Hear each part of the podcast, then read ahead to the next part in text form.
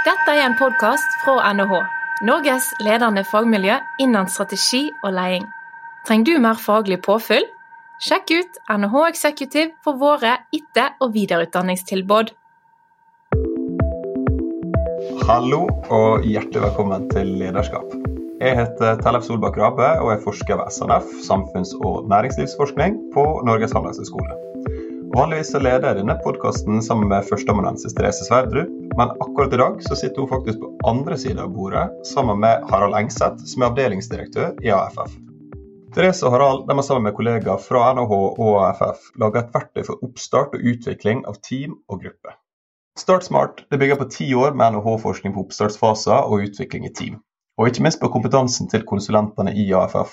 Og I denne her nå jubileumsepisoden, som altså er den 50. i rekka av lederskap, så skal vi forklare hvordan du kan bruke Start Smart. Hjertelig velkommen til en ny episode av Lederskap. Og pass på å klikke abonner for å bli varsla om ny sesong i januar. Hjertelig velkommen til dere begge to, Therese og Harald, på den andre siden av bordet denne gangen. Du, Therese, kjenner jo alle lytterne våre godt, men kan du fortelle litt om din bakgrunn her, Harald? Ja, det kan jeg eh, forsøke. Jeg er til dagen avdelingsdirektør ved AFF eh, i Bergen. Skal si litt mer om AFF etterpå, kanskje. Um, jeg, så jeg har da ansvar på å holde styr på konsulenten i Bergen, og så jobber jeg da som konsulent med lederutvikling, ledergruppeutvikling, organisasjonsutvikling med mer. Ja. Kult. Men du sitter altså hos NHH i Bergen? Ja, når jeg sitter, så, så sitter, jeg, sitter, jeg, på kontoret i Bergen, men jeg er mye ute hos uh, ulike oppdragsgivere og kunder. så det er egentlig, Jeg bruker å si at AFF oppstår i møte med kunden, så har vi òg et kontor vi, vi, søker til innimellom. Og Før vi går i gang med dagens episode, kan du fortelle kort hva AFF er for dere?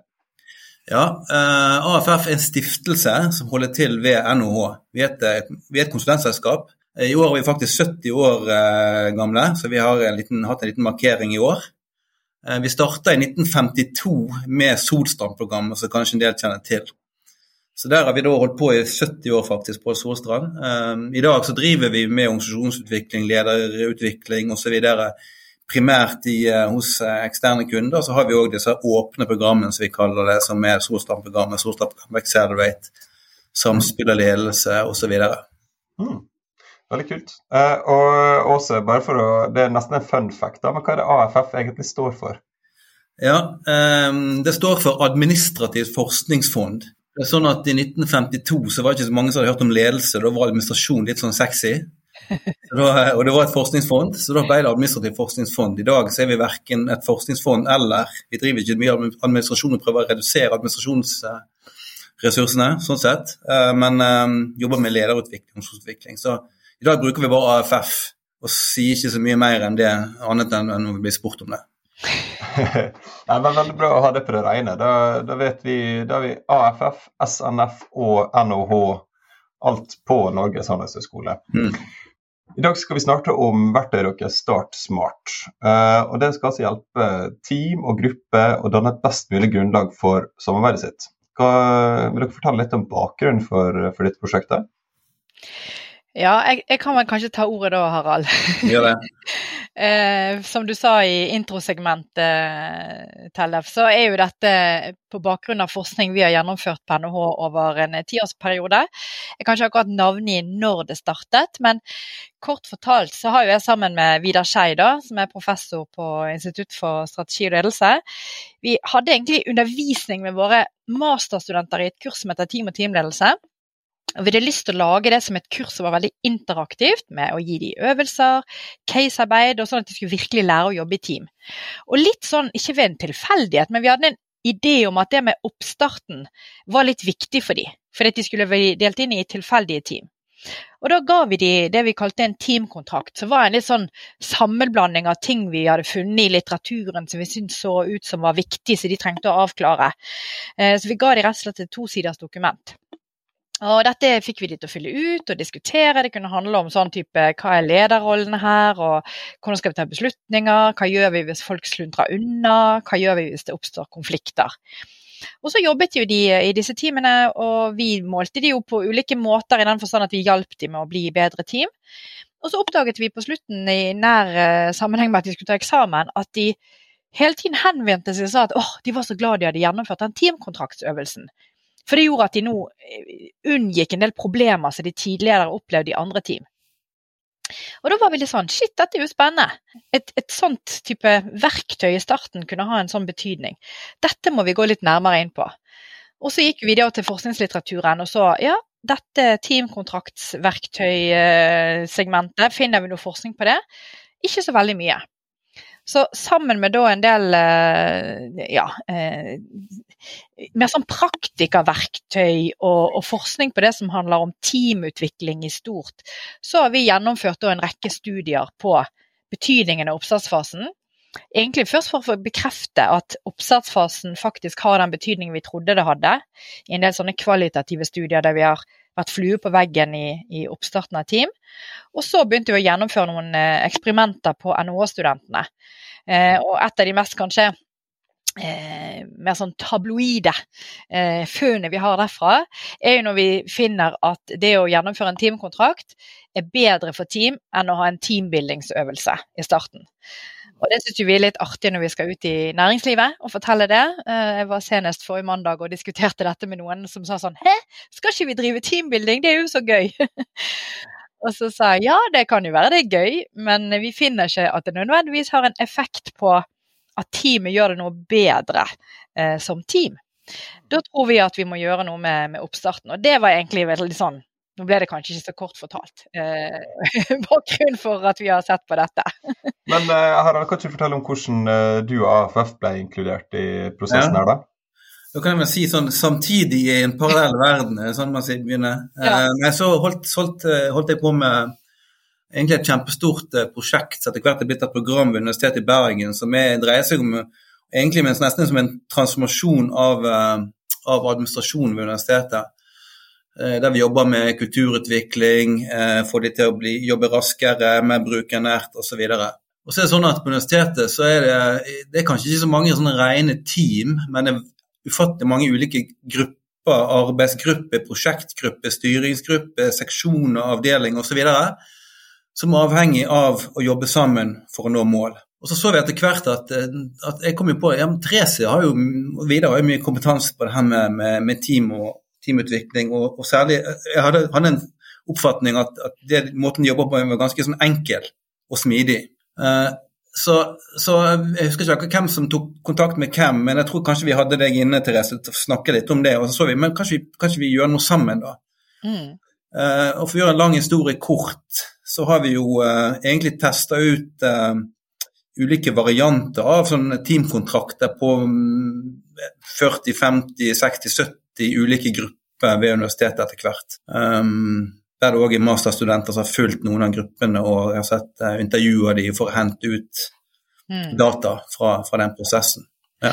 Ja da, og jeg husker veldig godt, for dette er litt sånn skjellsettende opplevelse i mitt forskerliv. Fordi at uh, du tok kontakt, Harald, og sa du, vi har lyst til å, å, bruke litt flere verktøy inn, og vi har lært i design thinking, og vi har lært i litt scrum-metodikk og sånt. Og dere har jo denne Start Smart. Så vi hadde jo definert det fengende begrepet Start Smart, vil jeg påstå. Men hva, hva var det for noe? Og så langt vi var kommet, så var det egentlig bare fire konkrete råd. Så jeg var der ute, holdt foredrag om forskningen vår og oppsummerte følgende. Tips nummer én lag et mål. Tips nummer to fordel roller mellom dere i teamet. Tips nummer tre etabler noen spilleregler. Og tips fire eh, reflekter over dette underveis. Men det var egentlig bare så langt. Så når eh, Harald du sa ja, kan vi bruke det verktøyet, så sa jeg shit, det er jo ikke noe verktøy her. Eh, dette må vi utvikle, men la oss prøve. Og så prøvde du litt uh, ulike varianter. Og så satte vi ned rett og slett en, en gjeng da, tre fra AFF og tre fra NHH. Og så har vi jobbet jeg vet ikke hvor lang tid vi brukte, Harald, jeg, halvannet år eller noe sånt.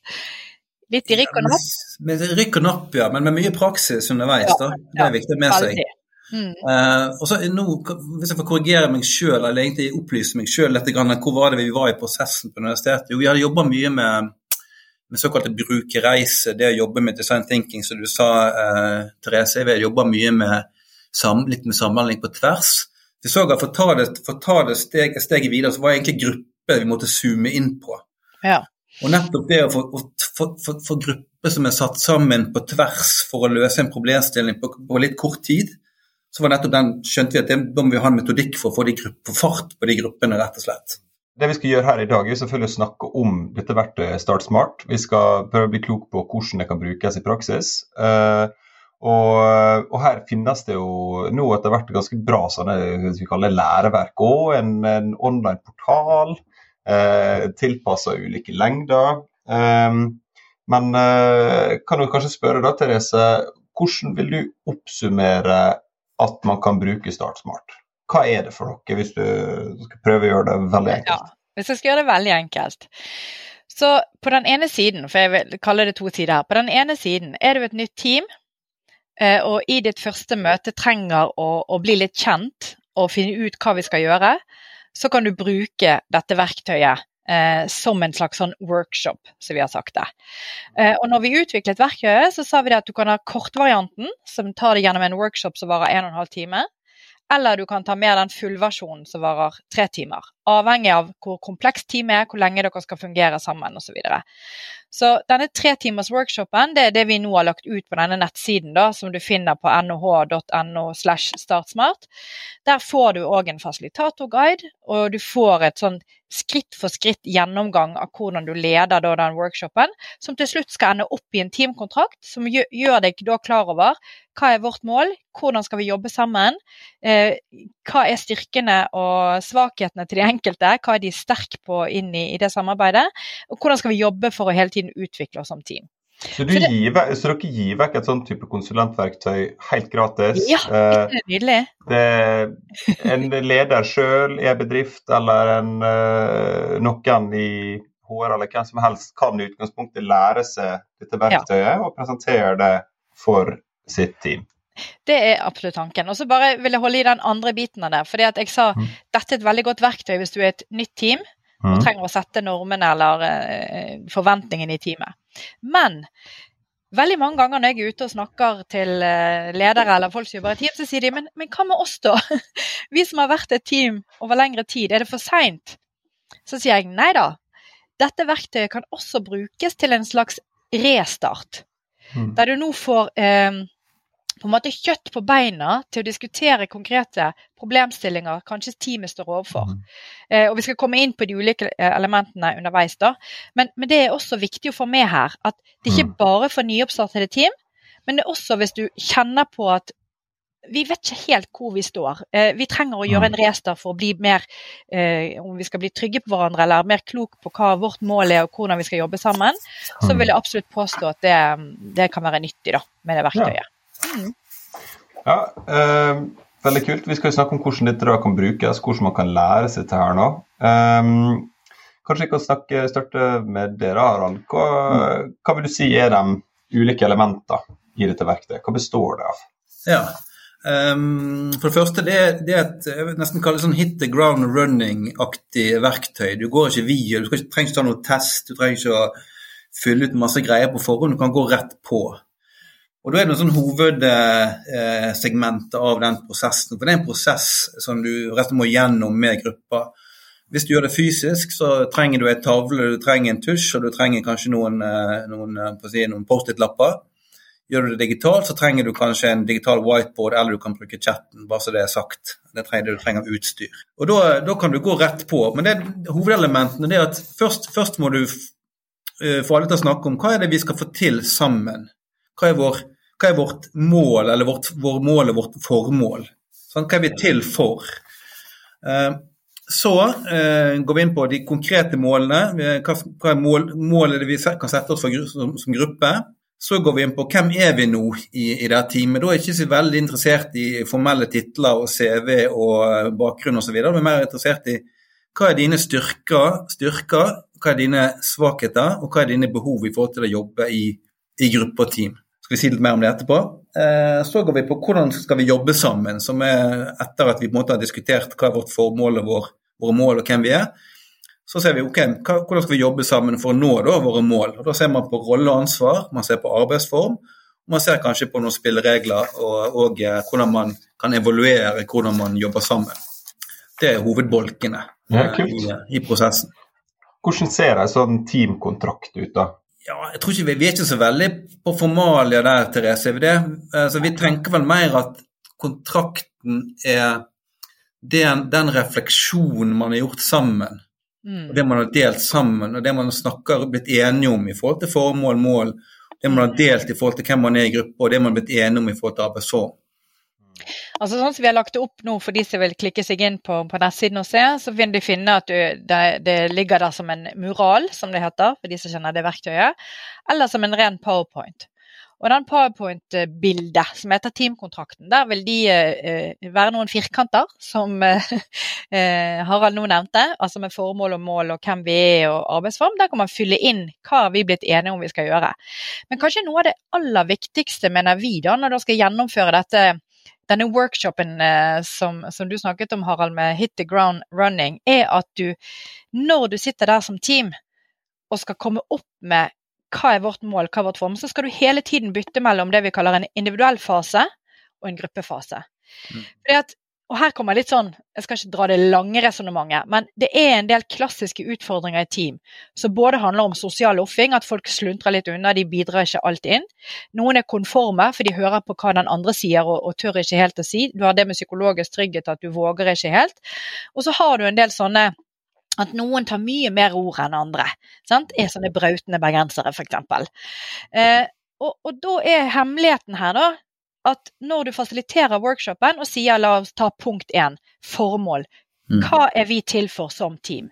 Så sier eh, fasilitator OK, alle sammen, sett dere ned, skriv i to til tre minutter på gule lapper, eller hva lapper du nå har fått utdelt. Hva mener du er, ditt, eh, er formålet til vår gruppe?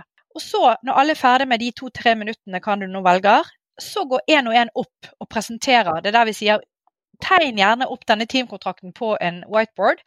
Og så tar du den luken da, som heter 'Hvorfor er vi til?' Så forklarer du. Therese mener, sant? bare for å ta Start Smart-gjengen som et eksempel, vi gjorde jo dette på oss sjøl.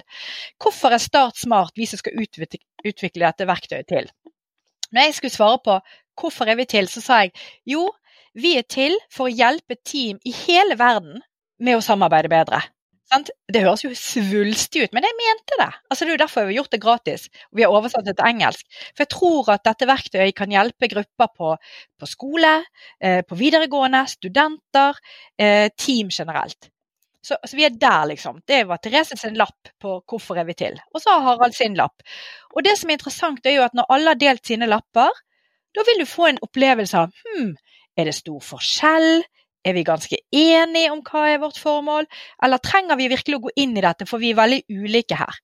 Så det gir den maten inn til å diskutere hvor vi er. Og så er det noen ganger du kanskje ikke blir enig der og da, for vi har jo satt litt sånn tidsrestriksjoner her. Ok, du har 15 minutter på dette punktet. Hvis du da er uenig, så sier vi flott, vi legger det til vi kaller parkeringsplassen. For dette må vi ta opp på et senere møte. Men nå har vi i hvert fall fått luftet ut hva folk tenker er vårt formål. Nå går vi videre. Men det er et viktig poeng her nå at alle må nødt til å si yes. det de mener.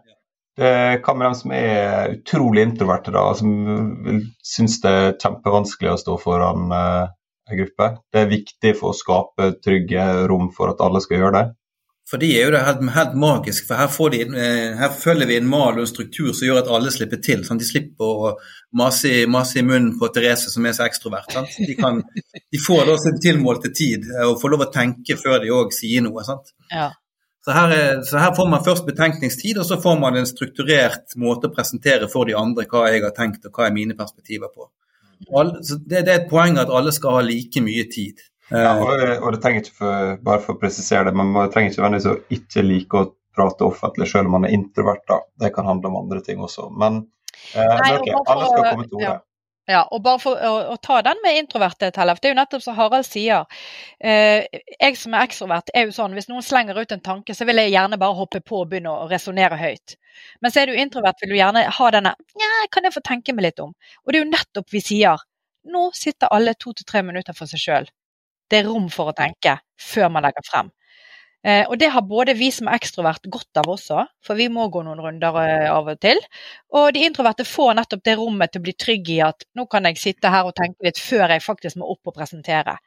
Så det er liksom hele hemmeligheten, samtidig med at eh, så vi vet med, med brainstorming og, og, grupper og komme opp med ideer, ser vi jo også da at individer er bedre eh, til det enn team når alle sitter og prater i munnen på hverandre. Sånn, vi, vi, vi, tar med oss forskningen vår på eh, å utradere litt de der eh, klassiske utfordringene team, nettopp inn for at vi skal mm, legge bedre til rette for å, å få et godt fundament sammen da, gjennom den metodikken. Her ligger det òg muligheten til, eh, til gruppen å bryte mønster. Sant? Hvis la oss si det er etablert gruppe som, som, som gjør det her, så vil jeg kanskje oppdage at det, det, er faktisk nyttig for oss at vi lar alle få slippe til litt strukturert istedenfor at den som hele tida har noe på hjertet, sier noe. sant? Mm. Men til, Det er ikke nødvendig sånn at det er den ekstroverte som alltid har kjemper om ordet, men i en sånn type gruppe så er det ofte sånn at den ekstroverte blir tildelt den rolla. Kan ikke du ta og oppsummere på vegne av oss? Mm, ja, det er eh, like mye. Og, og, og, og, bare ser vi på når vi rent sånn observerer dynamikk i grupper, så ser vi at der det er fem medlemmer til stede, så vil to stykker stå for ca. 70% av praten. Mm. Har du åtte grupper, så vil det være en to-tre stykker som står for 70-80% av praten. Og det er veldig ofte sånn at det er de ekstroverte, for de kjenner på det ansvaret å ta når det blir stille. Eller de har de ideene og har lyst til å diskutere de åpent. Og det det den dynamikken her eh, er med på å skaffe til veie et rom for alle eh, gjennom det strukturerte oppsettet. Og bare for å ta, vi har jo tidligere snakket om det med, med denne Google-studien som viste mange kjenner til, viste at psykologisk trygghet er viktig. En annen ting som den studien også viste som var eh, viktig for de gruppene som lykkes hos Google, det var at det var likt fordelt taletid. Så Det vi kaller equal turn-taking. Og her igjen du strukturerer hele den prosessen med deling gjennom at alle skal få bidra like mye. Ja, eh, Vi hopper tilbake til eh, du tar utgangspunkt i nettsida, da. nhh.no startsmart. Der vil du lese om hvordan du skal eh, ha forventningsavklaring. hvert medlem av teamet skal sette seg ned, skrive noen eh, tanker og presentere det for resten av gruppa. Hva er neste steg? Da var du, eh, på, da var du ferdig med én, var det så, eh, Tellef? Ja. ja første... Det er det å legge til? Eh, ja, for Da er det ferdig med formålet. sant? Og Da, da er det sånn at um, igjen som Therese var innom, vi er, ikke, vi er ikke ute etter på en måte å finne en, en ferdigformulert visjon eller misjon eller hva det nå er for grupper. Vi er ute etter å få opp perspektivene. Og så hører vi på en måte om de er, er, er Høres det ut som dere er noenlunde på samme, samme planeten? Hvis de da nikker litt greit, så kan vi gå videre. Ok, Gitt at dere nå er enige om, om, eh, om formålet, hva, hva, hva er gruppenes konkrete mål? Og Så gjør vi det på samme måten, ber de tenke sjøl, og så kommer vi med én eller to eller tre lapper. Ikke, ikke så mange som mulig, men noen, noen, få. Og Da kan det være at jo, noen sier jo vi skal produsere en rapport eh, innen den fristen, vi skal jobbe sammen rundt ditt eller datt. Så får vi opp de konkrete målene. Og Da er det som regel, etter at jeg har gjort det her på den gruppen, så er det ofte ganske godt sams, samsvar mellom mye av det som kommer. Eh, jeg har ikke opplevd foreløpig at, at det er målkonflikter, faktisk. Så da egentlig få opp de målene, og så sier jeg ok, når dere er ferdig i organisasjonen, så kan dere summere opp i etterkant eh, rundt mål. Ja.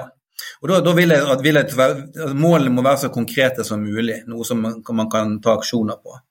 Ja, så Da har vi fått opp det som går på formål og det som går på konkrete mål for grupper. Og Da kommer vi til det som eh, for mange kanskje er den mest spennende delen. Det er sånn, det er når vi kalt 'Hvem er vi?' Mm.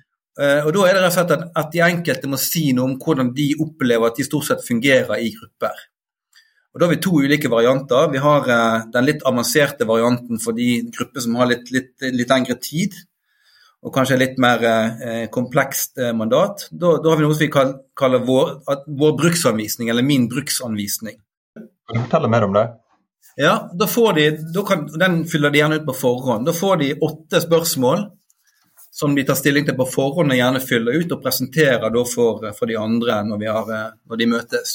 Og De eh, åtte punktene det er liksom kort fortalt. Den første er mine, stør, mine største styrker og bidrag i samarbeidssituasjoner. Hva konkret er det? Så mine svakheter i samarbeidssituasjoner. Så kommer det jeg setter størst pris på når jeg samarbeider med andre. Så kommer det som kan gå meg på nervene når jeg samarbeider med andre. Nummer fem det folk kan finne på å misforstå når de samarbeider med meg. Eh, nummer seks dette trenger jeg for gruppen for å være på mitt beste. Nummer syv å gjøre meg motivert for å arbeide i dette teamet. Og nummer åtte dette har jeg lyst til å utvikle meg på og mottar gjerne feedback på og støtte for å bli bedre til. Så her er vi inne i en del sånn nøkkelspørsmål i forhold til hvordan enkelt, den enkelte kan kunne bidra best i teamet. Mm. Veldig gøy. Ja, og, og, dette har vi jo, eh, for de som har fulgt eh, podkasten vår, så hadde vi en egen episode som heter 'Personlig bruksanvisning' med Jakob Mørk. Så vi har linket opp til å lytte gjennom den for de som er interessert i det. Og Nylig kom jeg over også en av eh, topplederne som ble sitert, altså han jobber i Norge, da, men ble sitert i, i, New York Times på at han hadde en personlig bruksanvisning, sånn at alle visste litt hvem er denne lederen, og hva er det som er styrker og svakheter. For det vet vi jo, alle har jo styrker og svakheter. Og vi kjenner oss tror vi, da, de fleste ganske godt hvordan vi reagerer i team og grupper.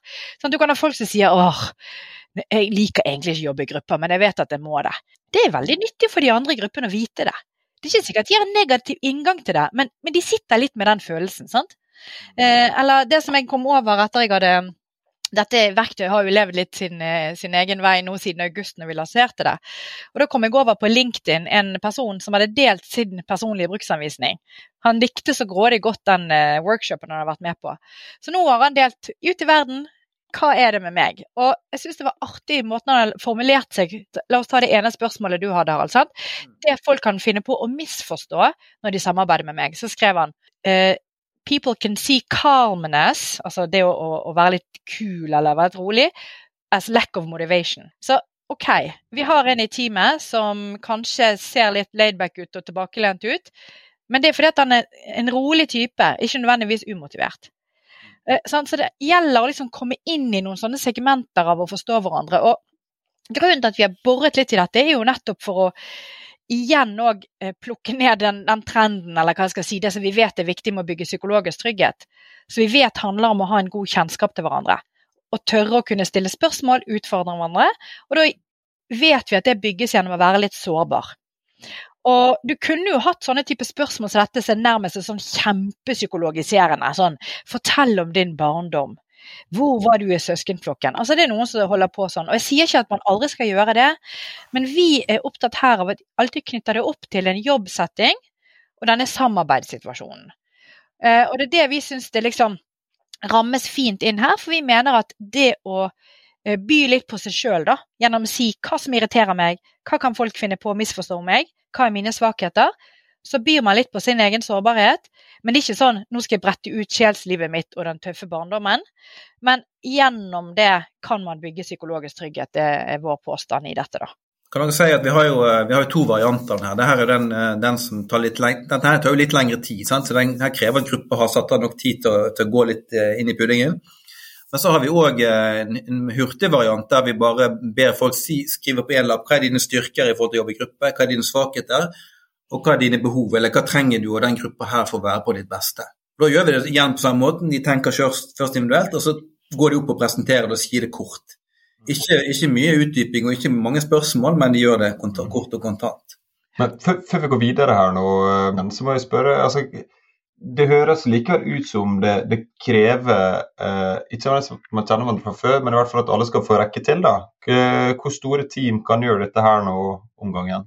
Kan, da, da, tror jeg vi legger til en sånn ekstra dimensjon som vi av og til har på, på grupper som kjenner hverandre. Um, da, vi, um, da, bruker vi istedenfor at de bare sier noe om hvordan de sjøl oppfatter seg sjøl, så ber vi òg at de andre gir dem tilbakemelding. Sant? Der var jeg jo innrømme, der Når vi har bikka ti stykker i gruppa og vi skal ha en sånn tilbakemeldingssesjon oppi det, eh, oppi økta, da ser jeg at ok, da begynner tida å gå. sant? Fordi at folk blir føler seg forpliktet til å si alle må si noe til alle til slutt.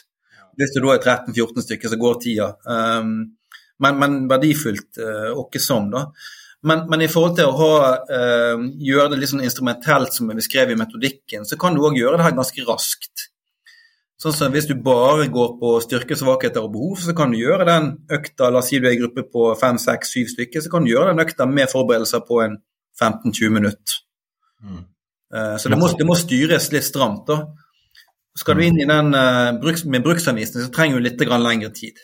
Mm. Uh, og Da må de gjerne òg ha forberedt det på forhånd. Men det går an å gjøre som en del av forberedelsen til en type sånn team- og gruppesamling. Mm. Kult. Ok, Men, men når man har gått gjennom personlig bruksanvisning, hva er, hva er neste steg? Da kommer jo stegene som, som, Harald sa i sted, vi har jo kalt det punkt fire. Altså hvordan skal vi jobbe sammen. Og da er det litt sånn, Nå har vi beredet grunnen gjennom å vite hvorfor vi til, hva vi konkret skal oppnå, og hvem er folkene som sitter her og skal gjøre dette. Nå er vi klar for å gyve løs på punkt én, altså roller og ansvar. OK, vi har et mål, hva kan du bidra med, Tellef? Hva er ditt, uh, din kompetanse inn i dette, sånn at vi får eh, jobbet med, med, de konkrete målene. Og igjen sant, så tar man en uh, to-tre minutter der alle skriver opp hva de tenker er viktig rolle- og ansvarsfordeling. Og bare, Her har jeg lyst til å lage sånn liten note. fordi at En del skriver jo om roller som sånn type å, vi skal ha en plante og en klovn og, og en igangsetter i alle dager en plante.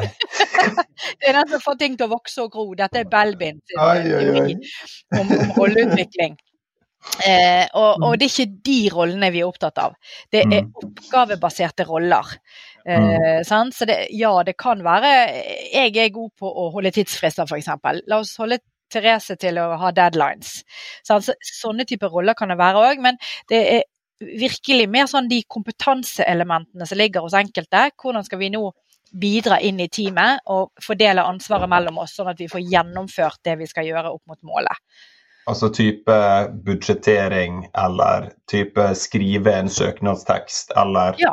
altså ja, jeg, jeg, kan jo bruke oss i Start Smart-gjengen da, som et eksempel. Eh, for vi ble jo enige om sant? vi skal redde verden. vi skal få folk til å samarbeide bedre i verden, det er hvorfor vi til.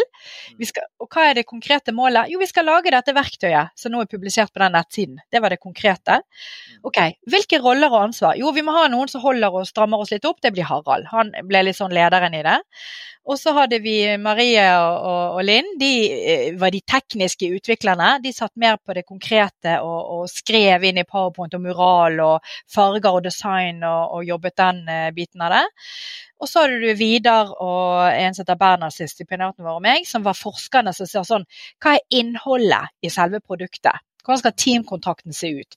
Selvfølgelig diskuterte vi alle dette sammen, men vi fordelte klart mellom oss de ulike rollene og, og hvem som skulle pushe oss og deadlines og osv. gjennom. Akkurat den biten som gikk der, da. Ja, og, så, og, helt til slutt så var det også valg av fargepalett, f.eks. Så da ble vi spurt hva de likte. Og jeg, ja, da vi vi brukerundersøkelse. Vi, vi gjør ikke noe lett her, altså.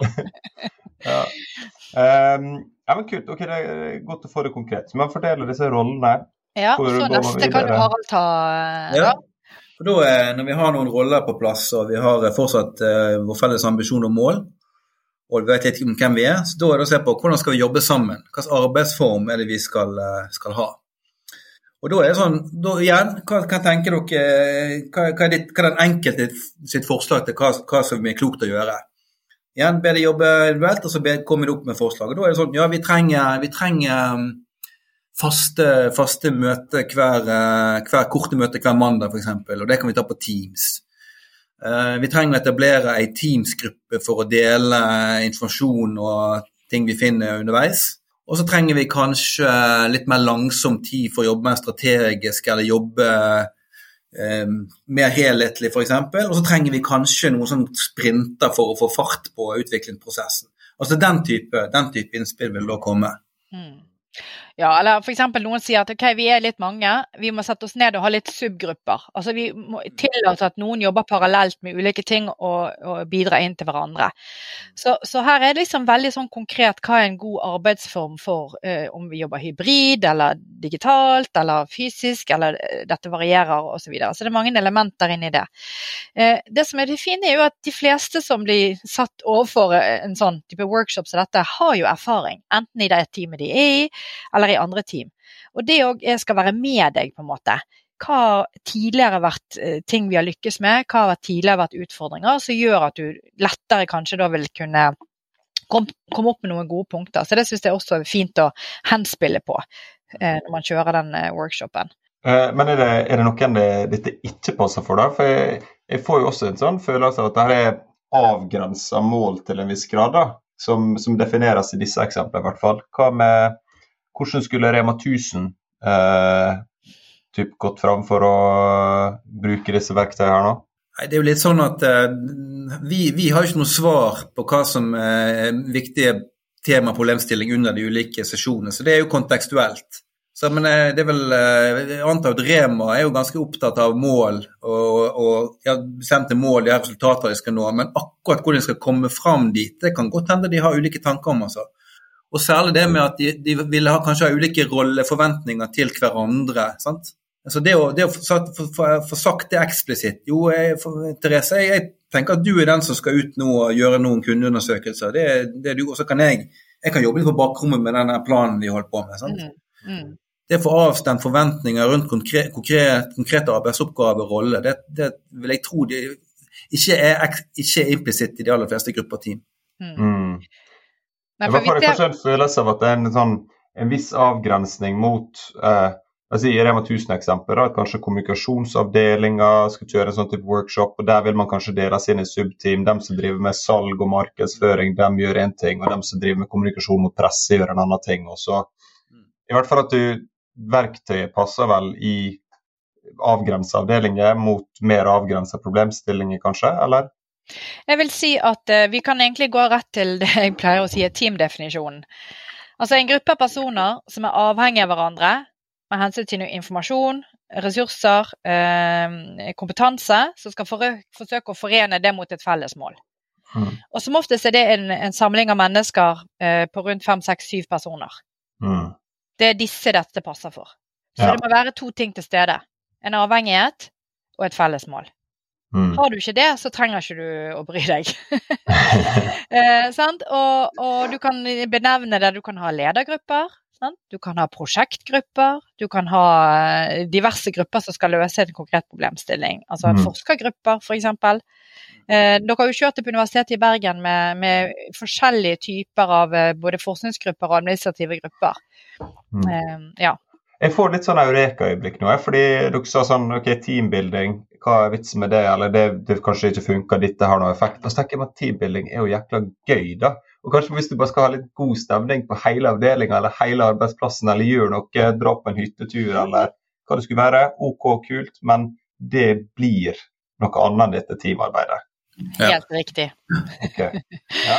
ja. Så, så, er det, så, er det, kanskje sånn at um i dagens arbeidsliv så er det mer og mer grupper som blir satt sammen på tvers, i såkalte matriser og lignende. Sant? Og de, ofte blir de litt sånn kasta sammen og får litt sånn diffust mandat. Så jeg tror ofte de, de har behov, behov, for den prosessen der snakker snakke seg sammen før de begynner å jobbe ofte. Altså. Mm. Så um, ja. Ja. Men bare for å ta igjennom, for nå dro vi så godt igjennom alle punktene i teamkontrakten. Men det gjenstår to ting i den under punkt fire som heter hvordan vi skal jobbe sammen. Bare for å ta kort om de. Den ene handler jo om disse spillereglene. Altså hvilke spilleregler bør vi ha for å jobbe sammen som et team på en best mulig måte? Eh, og det kan jo være litt sånn jøss, hva er spilleregler? Litt sånn, ja. Nei, det kan jo være at vi, vi skal være åpne og ærlige med hverandre. Vi skal ta opp ting eh, hvis vi merker at noe er et irritasjonsmoment. Eh, det skal være lav terskel eh, for å, for, å, uttrykke hvis noen har en bekymring. Altså Sånne type ting som gjerne henspiller på det med igjen å bygge psykologisk trygghet. Eh, og så den siste biten der heter teamutvikling. For det vi tar veldig på alvor, hvis dere klarer å huske tilbake alle de eh, For noen minutter siden så snakket jeg om disse fire rådene vi hadde stoppet med eh, før vi lærte oss verktøyet. Så handlet det om punkt fire refleksjon. For eh, det, det, er liksom Ja, oppstarten er viktig. Du gjør denne økten, denne workshopen, men so what? Hva kommer da etterpå? Jo, hvordan følger vi opp teamkontrakten? som sikrer at vi faktisk jobber på den måten vi nå blir enige om. Og ikke minst, kanskje det vi blir enige om i dag, ikke passet helt. Sant? Vi trenger å gjøre en, en, videreutvikling. Og det skal man da i det møtet før man går fra hverandre bli enige om. Når tar vi neste runde? Eh, og, og, det Harald og jeg og, og teamet vårt gjør i disse, disse, dager, det er jo å lage oppfølgingen eh, av verktøyet videre. For der har ikke vi, har ikke vi publisert ennå. Eh, og vi diskuterer også navnet. Er det en restart, eller er det en, en annen variant av eh, utviklingen? For vi sier jo at Start Smart er et verktøy for etablering og utvikling i team. Mm. Men det vi har snakket mest om nå, er etableringen. Nå må vi også snakke om hvordan bruker vi verktøyet i utviklingen av teamet. Ok, ja, men uh, Da har vi fått sånn, et overblikk over dette verktøyet, som jeg, jeg føler nesten er sånn her noe radiosalgere, men det er sånn her nå nhh.no startsmart. Men, uh, men sjekk ut disse utrolig flotte nettsidene. Men um, vi er for å prate om verktøy, da. Så hva er utfordringen her, da? Hva er det som dere tror uh, ikke funker så bra? Hva er, er fallgruvene å bruke verktøyet? Noe dere er misfornøyd med, eller noe dere ser at dere ikke virkelig vet hvordan dere skulle løst annerledes? Ja, vi kan jo begynne der vi eh, slutta, Therese. Hvis du gjør det med sånn stunt uten å følge opp, uten å uh, overhodet ta, ta, med deg noe av det som eller, noe av det de kom fram til, så, så er jo ikke det spesielt nyttig. Da kan det i verste fall eh, ødelegge litt uh, både motivasjon og tillit i, i gruppa. Så det er jo ett poeng. Um, og så, og så er det også, altså, hvis, hvis, de, hvis, de, som kommer kom inn i sesjonen ikke helt vet hva de går til, ikke er forberedt på at nå skal vi faktisk diskutere litt hvordan vi jobber sammen, um, prøve å være litt ærlig, ærlig, med hverandre og til og med være litt sårbar, så, så, tror jeg òg at uh, det er mindre sjanse for å lykkes optimalt enn hvis man er litt primer på forhånd. Um, og så forutsetter det òg at alle er både fysisk og mentalt til stede. At ikke man holder på med noe på PC-en. At, at, man er, er godt innramma som gruppe når man gjør, gjennomfører før, før økten. Det tenker jeg òg er viktig. altså. Mm. Um, ja, gode punkter. Og hvis jeg skal legge til noe, så, så handler det òg om at La oss si du lager denne teamkontrakten, da. Og du har ført opp noen gode punkter. Da må ikke du la det bli heller en tvangstrøye. Sant? Hvis det er sånn Ja, men det står i teamkontrakten sånn og sånn. Men man, det er nettopp der det derre eh, elementet av at det skal være en fleksibilitet, samtidig som det skal være noe skriftlig i det. Og Jeg har lyst til å begrunne det litt mer hvorfor jeg sier det. fordi at eh, Vi har jo studert team over tid, eh, som fluen på veggen. Og I enkelte sammenhenger så vi at de teamene som gjerne dro vekk og diskuterte forventninger til hverandre veldig muntlig, så på det som utrolig nyttig. Men når de kom tilbake på arbeidsplassen og ingenting var nedskrevet, så husket de jo ikke helt hva vi hadde avtalt. Og det som skjedde var at det oppsto flere av det vi kaller brudd på sånne forventninger. fordi at nå hadde de jo sånn Therese, da, meg. Jeg har jo fortalt hva som er viktig for meg, og jeg har jo trodd at dere to har hørt på meg hele veien. At dere nå vil virkelig oppfylle forventningene jeg har til dere. Men dere har jo glemt det. Dere var jo mest opptatt av hva dere sjøl hadde sagt. Så, så faren i at du blir for åpen og lite liksom nedskrevet. Altså Elementer av å skrive ned noe er viktig, men pass på at det ikke blir for rigid. Det er litt sånn viktig eh, å poengtere. Mm. Jeg ser absolutt poenget. Mm. Men eh, det kan være også, altså, Skal det være sånn at den personlige bruksanvisninga til hver av dem åtte i teamet skal være tilgjengelig, da, og så er det sånn at jeg skal sende en e-post til den personen. Da må jeg konsultere bruksmanualen først. det er viktig, viktig. det syns jeg. det er et viktig poeng, Telle. For, det, for det, jeg bruker noen ganger til å si at det som altså, Dere må gjerne dokumentere mål, formål, eh, arbeidsform og spilleregler osv.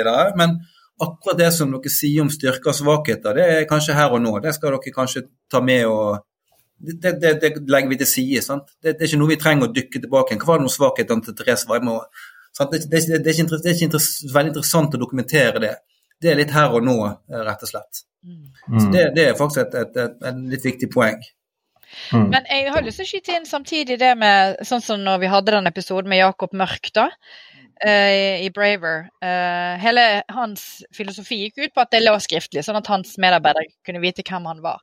Så dette er noe mm. man kan diskutere.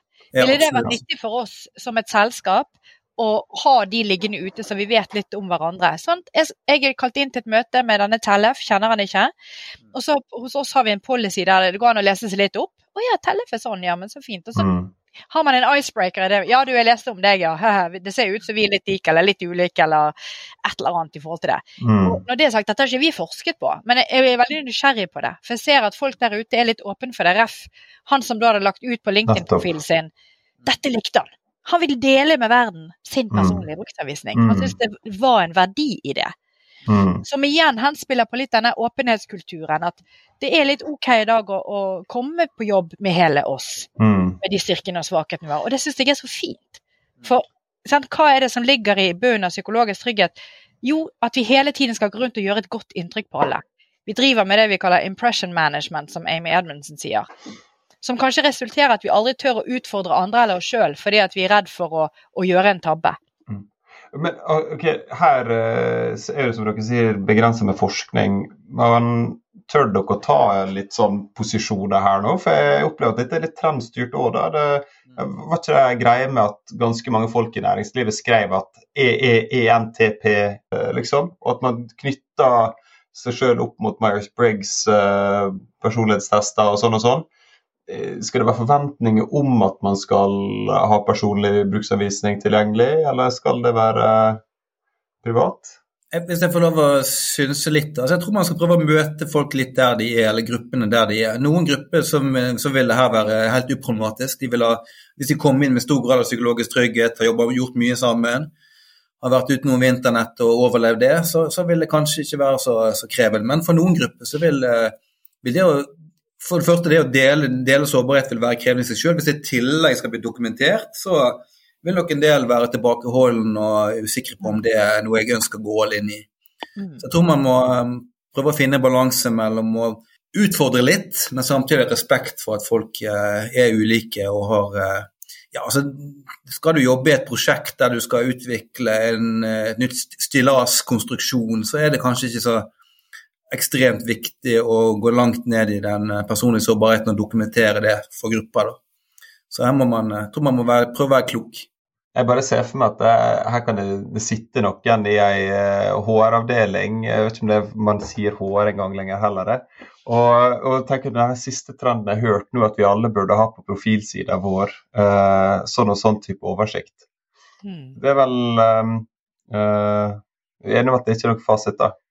Det er det ikke, og jeg er aldri redd for at vi skal teste litt ut ting. Og så kan vi trekke det tilbake hvis det var feil. Men hvis vi aldri tester ut noe, så får vi heller ikke fremdrift og ut, utvikling. Mm. Ja, veldig bra. Uh, men kan jeg kommentere en liten ting til her? På, jeg bare ja. på, for det, Hvilken rolle lederen i gruppa tar her, hvis det er en gruppe som fasiliterer seg selv, det er faktisk et poeng. Hvis lederen tør å være litt sårbar, så vil det òg være lettere for de andre å være det. sant? Mm. Hvis ene er tilbakeholden, så, så, er det krevende å skulle utfordre den enkelte medband til, til, å si mye om sine egne svakheter. Så det, det er jo en mm. gruppedynamikk som, som spiller inn her. Mm. Er det noe mer dere tenker er viktig for å forklare hvordan en sånn type workshop fungerer? Jeg tenker litt med innramming. Altså, jeg har vært med på å gjort det her både digitalt og, og fysisk og på ulike måter ved oppstart. sant? Hvis folk ramler inn i et digitalt møte rett etter de har hatt eh, et, eh, et annet møte ett minutt i forkant, sant, og går rett inn, så, så er det klart det er mer krevende hvis du, hvis du kommer i samme rom, kanskje hatt en, en innsjekk i forkant der du har sagt litt om hvordan har jeg det i dag, og nå er jeg klar for en økte her. sant? Så akkurat hvordan man rammer en økte, har, har, en del å si på hva man får til, vil jeg tenke. Mm. Så, ja. Og en ting jeg vil berøre som vi ikke har snakket så mye om, det er jo dette med, med rollen Det å være hyre inn en ekstern fasilitator versus at leder av gruppen kjører denne workshopen sjøl. Eh, og det er litt interessant, Vi har en masteroppgave som går nå i, i høst, som skal leveres om litt over en uke. De har sett på betydningen av fasilitator, at det er en ekstremt viktig rolle. Eh, og de sier det at eh, en leder som går inn og leder sjøl, mister litt eh, nærheten til gruppen. Og mister litt eh, eh, av det å dele åpent og ærlig. Fordi at du blir så opptatt av å holde tiden og fasilitere at du ikke helt går inn i det. Så jeg vil faktisk påstå å si at det å ha en ekstern fasilitator, enten om du eh, spesialiserer noen i HR-avdelingen eller hyrer inn noen til å kjøre disse workshopene, tror jeg kan ha en betydning. Men det er ikke dermed sagt at ikke en leder kan gjøre det, men det vil kreve ganske mye av den lederen i å være trent i å fasilitere og samtidig kunne bidra inn. For som Harald sa, så betyr det noe at leder kanskje går først og viser eh, den åpenheten, sånn at de andre den, eh, blir, blir liksom smittet av det. da. Så, så, det kan jo man se. Og vi har jo i verktøyet laget en egen fasilitatorguide for, for hvordan man skal gjennomføre det. Eh, sånn at bedrifter kan jo skolere sine eh, interne konsulenter, eller man kan hyre inn. Sant? AFF kan jo bistå her, selvfølgelig. De, dere har jo begynt å kjøre dette mye, Harald. Så, så, det kommer jo an på selvfølgelig ressurssituasjon og, og, kompetanse på å gjøre det. Men vær i hvert fall bevisst innom. Eh, trenger vi en fasilitator, eller kan vi gjennomføre dette sjøl, gitt de eh, kriteriene vi legger i det. Ja. Og så er det vært tydelig på at her, nå skal vi jobbe nå skal vi jobbe litt raskt, folkens. Nå, ja. vi, vi, skal ikke diskutere nå alle innspillene som den enkelte kommer med, for da ryker tids, tidsrammen. sant? Og det, å bare, og det å bare høre alle, alle sitt perspektiv uten å diskutere det og måtte, måtte bryne seg på det, det har en verdi i seg sjøl. Men det høres ut som om dere, dere anbefaler at man gjennomfører dette noe fysisk, og kanskje og i et felles rom som kanskje er en annen del enn der man sitter eh, til vanlig. Man booker et møterom eller Ja. et eller annet. At man Ja. får Det gjør vi. Men nå så vi jo i under covid, da, så kjørte jo Harald mange eh, økter eh, elektronisk også. Og det gikk fint, det òg. Men det beste er nok den fysiske. Sant? Men det er jo noen globale team som ikke har muligheten til å møtes. Da vil jeg i hvert fall si at kjør heller en digital økt enn ingen økt. Ja, ja. Så Det, det, og det tenker jeg, Hvis, hvis det er en gruppe som, eh, som primært eh, møtes digitalt, så, går, så er jo ikke det unaturlig å gjøre det her òg digitalt. så Det er sånn de jobber, det er det de er vant til. sant? mm. Veldig kult. Ja, men jeg, jeg, jeg kjenner jo til dette fra før av, men jeg er absolutt litt klokere på hvordan dette kan brukes. Jeg ser absolutt verdien og, og nytten av det. Så, så her kan man altså besøke nhh.no startsmart. Men jeg har helt til slutt her nå, for jeg syns det er veldig gøy å ha Therese på andre sida av bordet. da. Hun får jo aldri muligheten til å prate ellers. Å nei. Så uh, har du lyst til å fylle på med, med tre gode tips til hvordan man skal bruke StartSmart?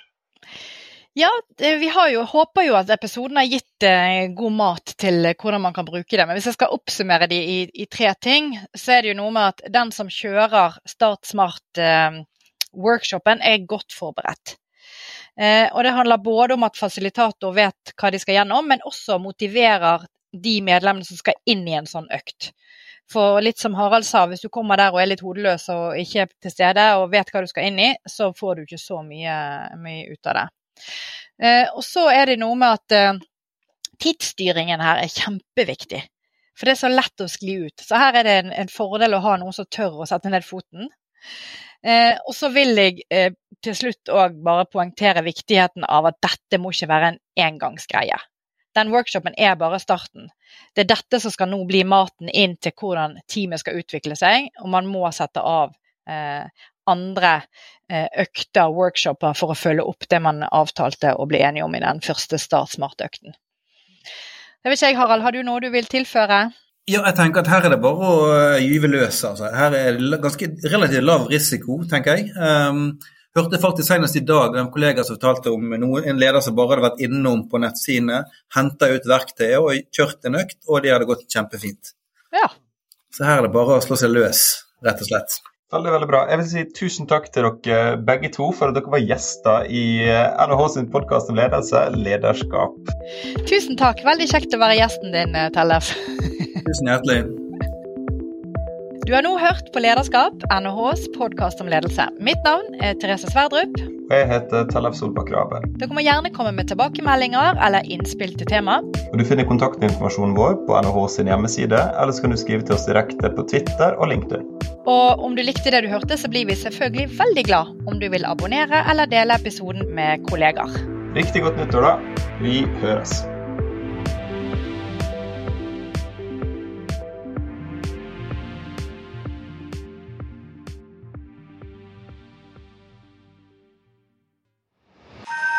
Dette er en podkast fra NHH, Norges ledende fagmiljø innen strategi og leding. Trenger du mer faglig påfyll? Sjekk ut NHH Executive for våre etter- og videreutdanningstilbud.